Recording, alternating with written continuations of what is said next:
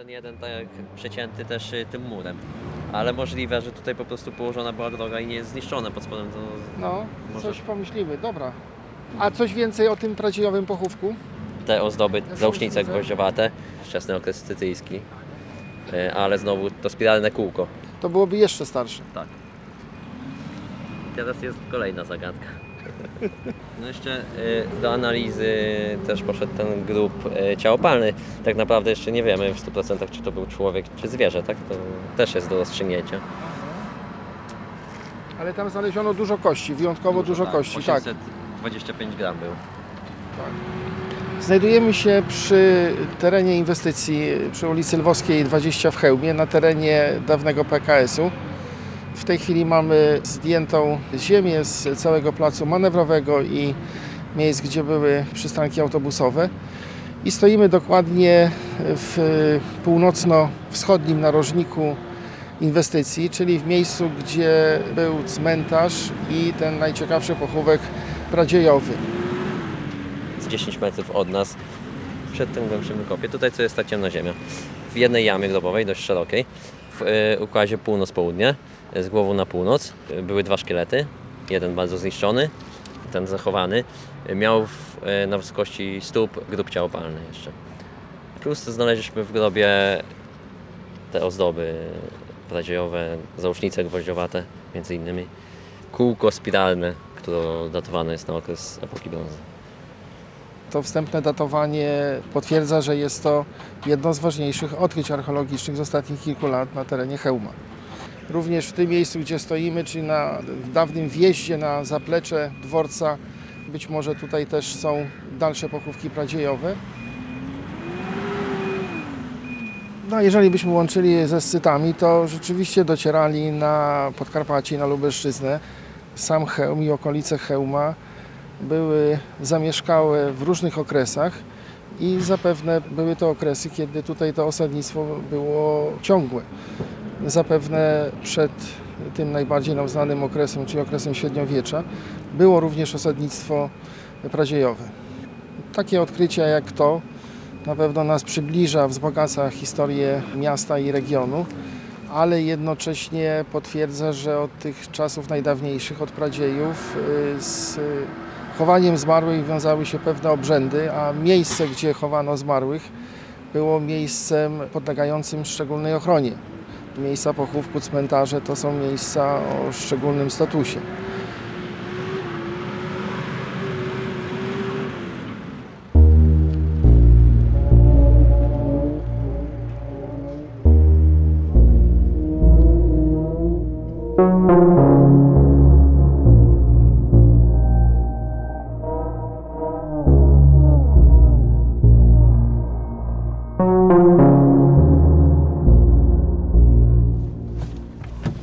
Wyjeżdżamy właśnie na objazd.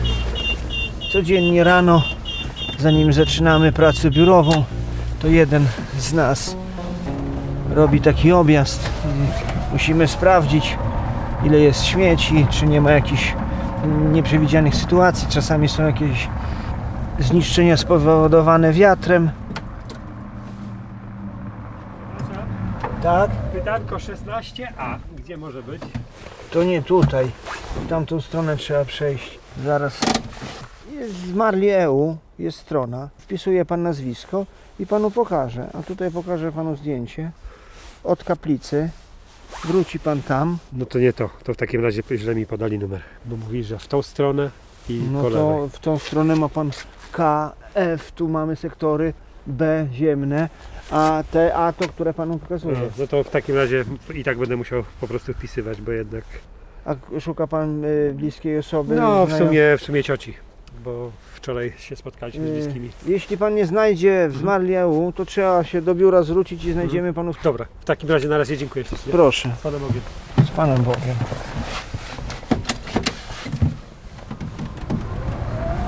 Może jakiś ksiądz albo duchowny, bo rzadko kto teraz dzisiaj mówi z Panem Bogiem. Chociaż mi to nie przeszkadza, jestem katolikiem, także nawet się ucieszyłem. Możemy się tu zatrzymać, popatrzeć na tą główną aleję. Znajdujemy się na cmentarzu komunalnym w Chełmie.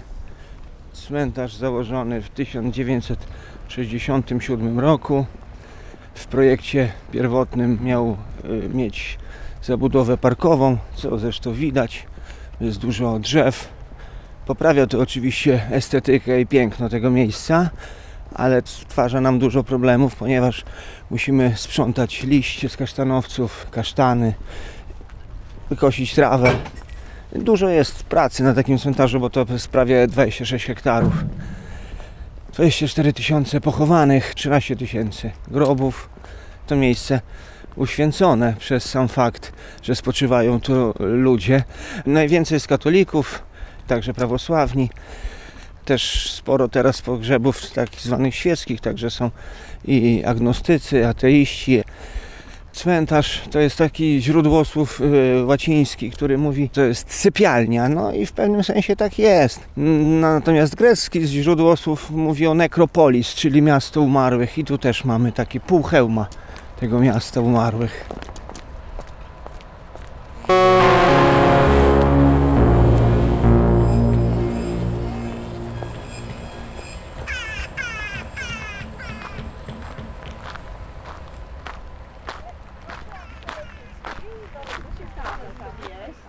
Witam Państwa na wycieczce, naszej tradycyjnej wycieczce po cmentarzu parafialnym przy ulicy Lwowskiej.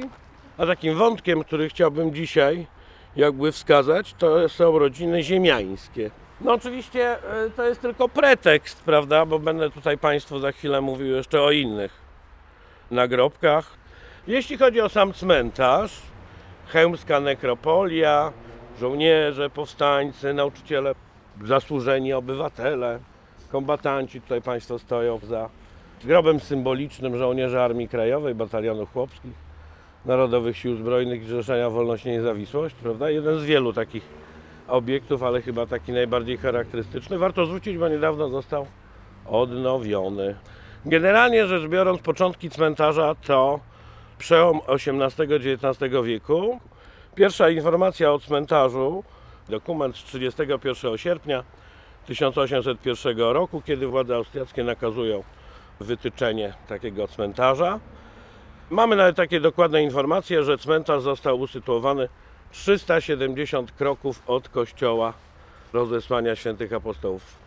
No trzeba by kiedyś sprawdzić, czy rzeczywiście 370 kroków. Tutaj znajdujemy się w najstarszej y, części cmentarza, przy, z jednej strony jednym z najstarszych nagrobków, Sebastian Czaplic, aptekarz zmarły w roku 1832. Tam widzimy związany z ziemiaństwem jeden z takich najpotężniejszych nagrobków, takich dużych. I co tutaj czytamy? E, Henryce z Górskich Niemirowskiej, dziedziczce dóbr Nowosiłek. E, No i też taka zasłużona dosyć rodzina, rodzina Niemirowskich. Leon Niemirowski zaangażował się w przygotowania do powstania styczniowego, stał na czele organizacji, takiej dosyć tutaj rozwiniętej. Niestety ta organizacja została rozbita, bo w szeregi powstańców wkradł się taki agent rosyjski, Aleksander Starczewski, a to był Polak e, związany z Okrzowem, taki dzierżawca. No ale zbierał tutaj informacje. Konspiratorzy go namierzyli i wykonali na nim wyrok.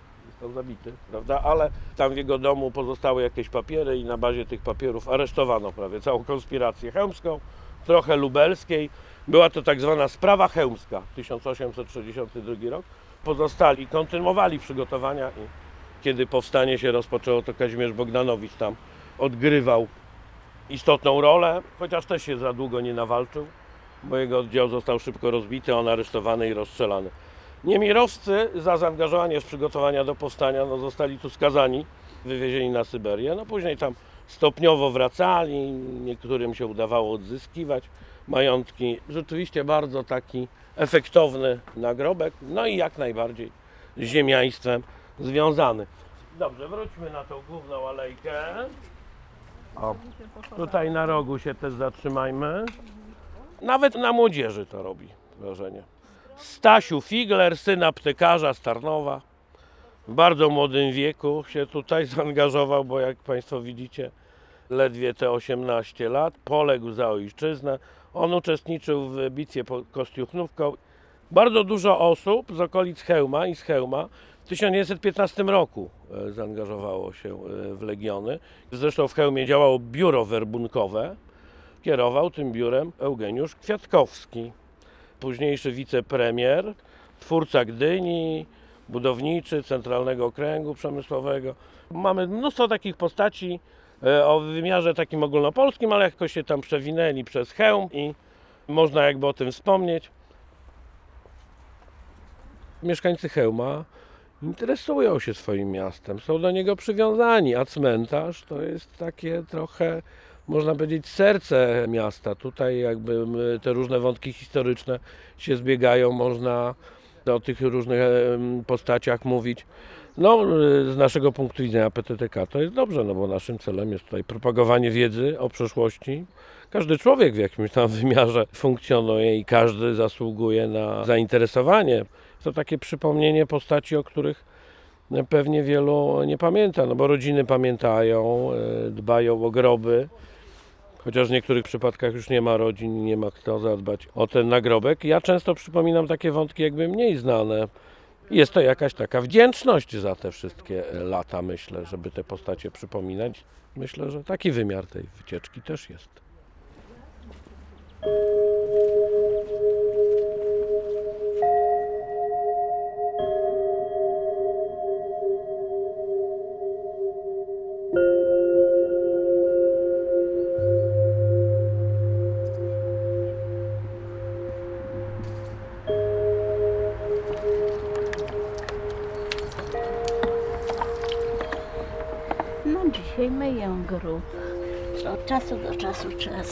Porządek. Tu jest moja mamusia i brat stryjeczny. Córki obowiązkiem jest. Za to dobro, co czyniła, za to, że mnie wychowała w miarę, to się należy jakiś chociażby w ten sposób szacunek.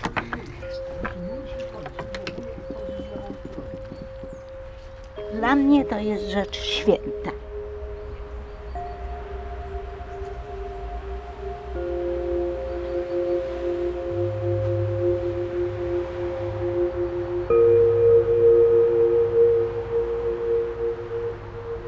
Cześć Józef. O, pan Józef poszedł do żony, codziennie tu przychodzi. Nie, nie znam jego życiorysu, ale być może ta relacja mu pomaga, taka duchowa z żoną. 13 lat, codziennie tu przychodzi. Jeden dzień nie był tutaj, chory był to wtedy. Jak opowiadał o tym, to taki z wyrzutem sumienia. Na początku mnie to dziwiło, a teraz nie, także myślę, że jeśli coś człowiekowi pomaga, a nie przeszkadza to innym, ani nie wywołuje destrukcji, a wręcz przeciwnie, myślę, że jest godne pochwały. Także memento mori.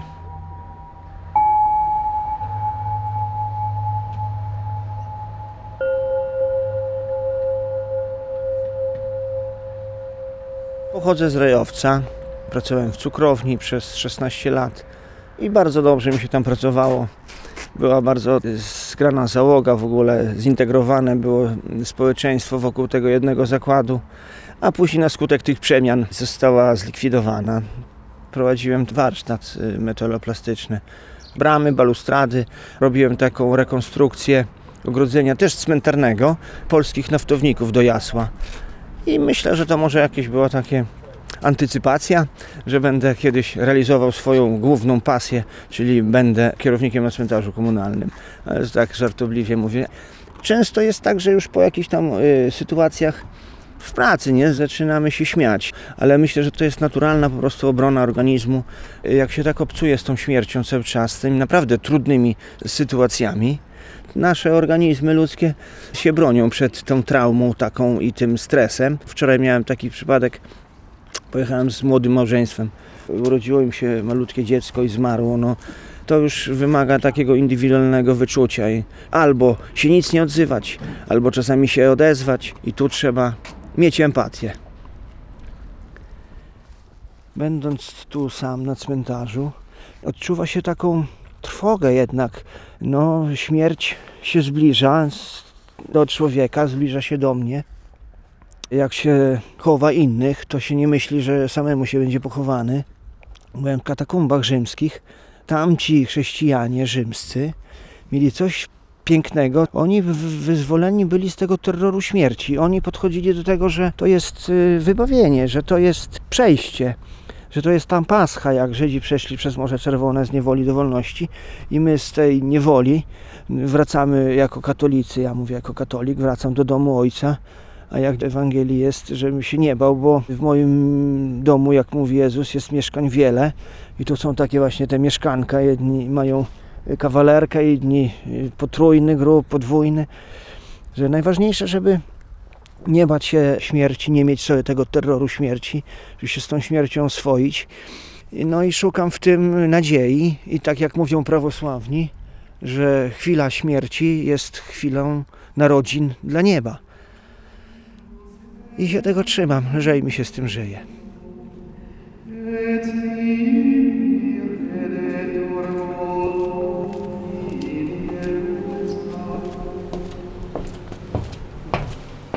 Ważny pochówek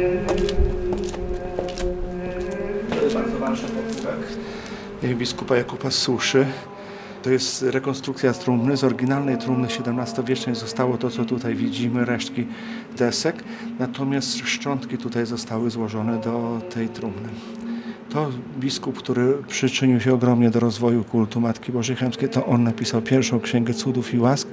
Jego troska o sanktuarium i kult Matki Bożej spowodowała, że papież w XVII wieku nazwał ikonę Matki Bożej Chemskiej cudowną. To jego również tutaj zasługa jest, że król Jan Kazimierz dowiedział się o y, ogromnej przestrzeni działania Matki Bożej w tym miejscu i zabrał ikonę Matki Bożej Chemskiej w bitwę pod Beresteczko. Przypuszczamy, bo nie mamy stuprocentowej pewności, że to jest ten biskup, ale według testamentu, który y, spisał w języku polskim, to jest biskup unicki, polskiego pochodzenia, to chciał być pochowany w skromnym stroju biskupim w narożniku świątyni XIII-wiecznej, co jest widoczne. Także ufamy, że to jest ten biskup.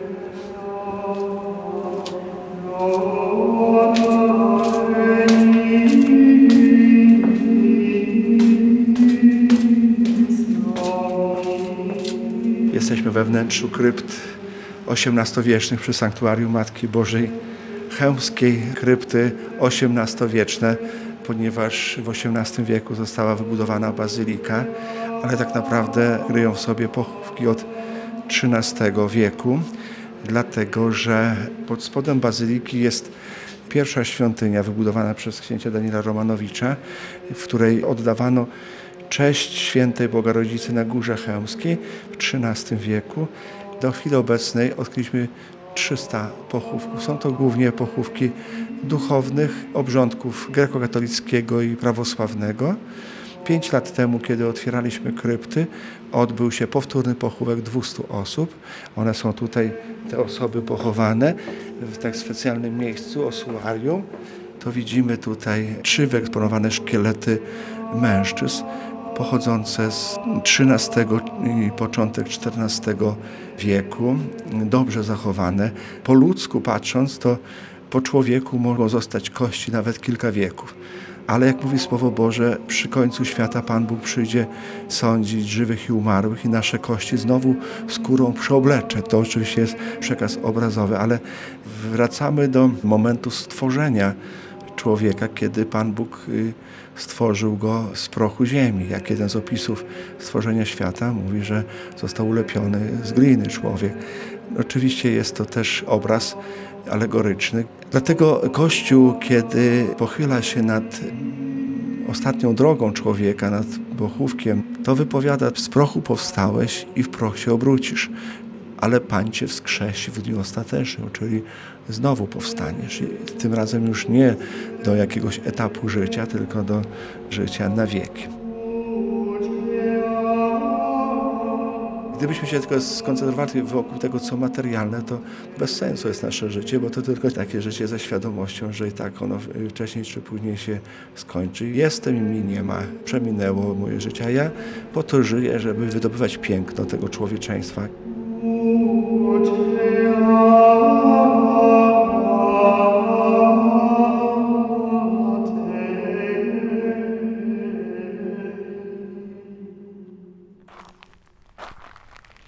Znajdujemy się teraz y, tutaj od bramy tej technicznej w kierunku grobów dziecinnych i tu trochę na takim wzgórku widzimy ten wspaniały blask tych wszystkich zniczy, tego światła.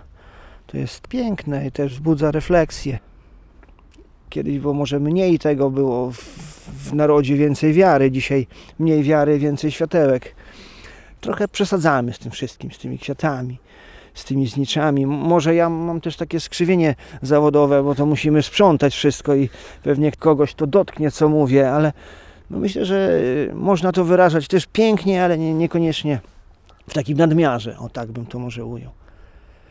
Groby kiedyś były skromne. Dzisiaj staje się to takim wyścigiem trochę. Jeden ma takich, drugi chce mieć jeszcze piękniejszy. Na pewno to wynika z miłości tej kochanej osoby, tego, że była ważna, ch- chcą się ludzie odwdzięczyć, pamiętać, ale myślę, że to trochę nie ten kierunek. Chcemy trwać jak faraonowie przez tysiąclecia. Każdy tu powtarza, nic ze sobą nie zabierzemy, a w te pomniki wkłada się tysiące. W Anglii czy w Norwegii byłem w takim miejscu nad Miosą, tym jeziorem, gdzie jest taka katedra z 1200 któregoś roku. Piękny cmentarz wokół, gdzie tylko są krzyże i trawka. Skromnie i upamiętniać to inaczej, tak bardziej sercem, myślą.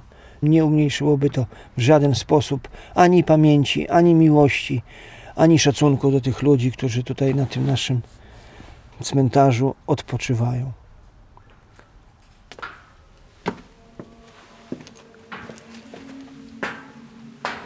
To jest właśnie ten ostatni pochówek. Tu jest, jesteśmy w ostatniej krypcie, już też poza świątynią XIII-wieczną.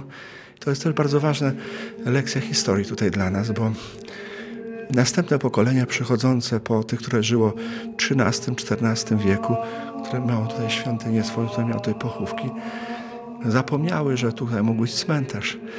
I dla potrzeb swojej egzystencji w tym miejscu było takie śmietnisko, sypowisko różnych rzeczy. Między innymi tam w kryptach w Gablotach widzieliśmy resztki naczyń glinianych, szklanych. To było mnóstwo y, kości zwierzęcych, dużych, więc myślę, że funkcjonująca kuchnia tutaj w klasztorze XVII-wiecznym, XVIII-wiecznym powodowało, że tutaj składano te rzeczy. I kiedy y, trzy lata temu to pomieszczenie oczyszczaliśmy, okazało się, że pod wysypiskiem śmieci znajdują się szczątki tej kobiety z dzieckiem. Nazwaliśmy właśnie matka z dzieckiem. Kobieta około 25 lat, dziecko około 4. I to jest kolejna lekcja dla nas, że nasze dziś tworzy już jutro historię, żeby otaczać szacunkiem osoby i miejsca, w których one zostają chowane i przekazywać kolejnym pokoleniom. Dzisiaj według mnie takim niebezpieczeństwem jest to, że przy takim ogromnym rozwoju intelektualnym, cywilizacyjnym i technicznym, gdzie dzieci mają dostęp do przestrzeni internetowej, do różnych y, scen, gier, które też są y, często krwiożercze i mordercze. Tutaj człowiek nie widzi problemu, a widzi problem w tym, żeby dziecko przeprowadzić na cmentarz, pogrzeb, bo żeby będzie przeżywało traumę, bo jest kult życia, kult piękna, kult ciała. Nie, właśnie trzeba pokazywać, że jest faktycznie to piękne, ale z tego pięknego ciała zostają, jak widzimy, kości. Jeżeli będziemy to przekazywali młodym pokoleniom, właśnie tę troskę czy szacunek do przechodzenia, do umierania, jest szansa, że te następne pokolenia również będą z szacunkiem odnosiły się do, do osób, które znajdują się na cmentarzu, będą pamiętały. To jest bardzo ważny ten egzystencjalny element przechodzeniu z życia ziemskiego do życia wiecznego i naszych relacji ze zmarłymi i do zmarłych. I według mojej oceny błędem jest na przykład pisanie na szarfach, na wieńcach, że to jest ostatnie pożegnanie. Ostatnie pożegnanie ma sens uzasadnienie wtedy, kiedy myślimy tylko po ludzku, po tym, co materialne, że faktycznie w takich relacjach już się nie zobaczymy. To jest raczej powiedzenie do zobaczenia.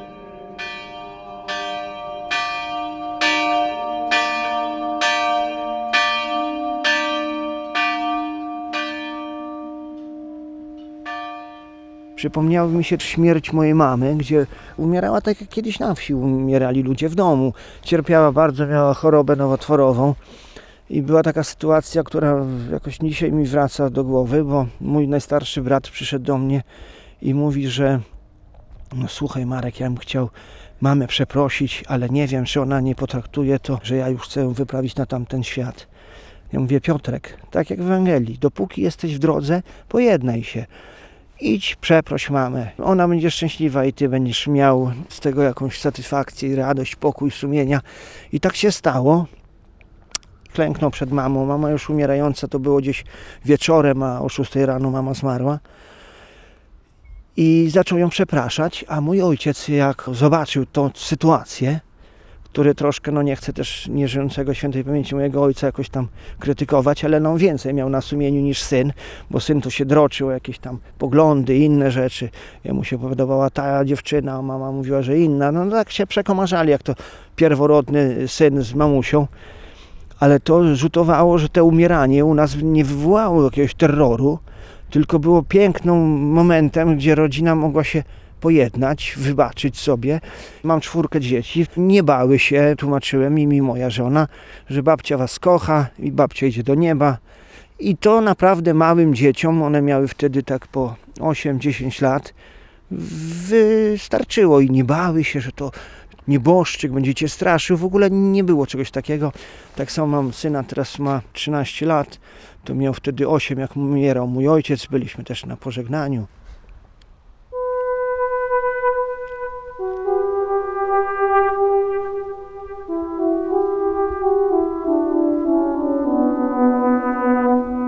Jak się z dziećmi rozmawia, nie udaje się, że śmierci nie ma, że nie banalizuje się śmierci, tak jak się robi to w Halloween, że się fajnie dzieci bawią ze śmierci z kościotrupków, ale jak takie dzieci stoją nad grobem swojego rodzica, swojego brata, babci, którą kochali, dziadka albo kolegi z klasy, to już wtedy, mówiąc kolokwialnie, nie ma jaj. Ja jak mówię teraz o tym i widziałem takie rzeczy, to mimo, że już jestem do tego oswojony, łamie mi się głos, bo to naprawdę są takie emocje i ja uważam, że z pewnych rzeczy po prostu nie mamy prawa żartować.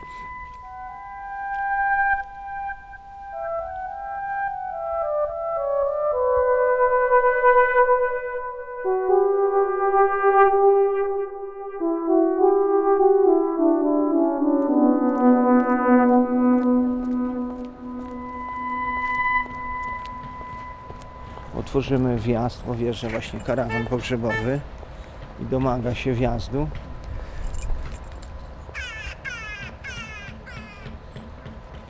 Kiedyś było tak to przeżywane dłużej, a dzisiaj tak zauważamy, że szybko to się wszystko odbywa.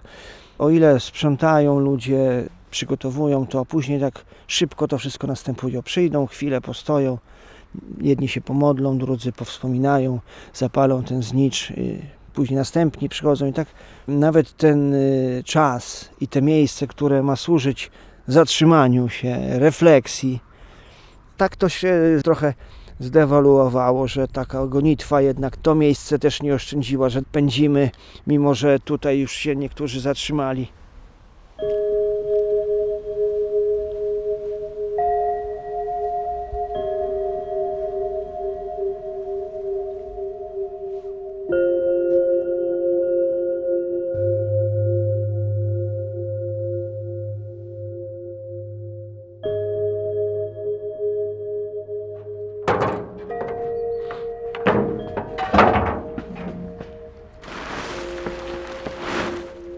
Narzędzia poskładane? Poskładane i do domu. Fajran na dzisiaj. Tak jest. Pracuję 3 lata. W tym zawodzie 3 lata to bardzo dużo jest. Pieniądze nie mają znaczenia w tym życiu. Ani polityka, ani dobytek. To jest taki wyścig szczurów teraz i tak tego nie wygramy. I tak będziemy biegać, biegać, aż wpadniemy do tego dołka. A tak najlepiej się zająć sobą i rodziną. Rodzina i miłość. To jest ważniejsze. I być szczęśliwym w życiu.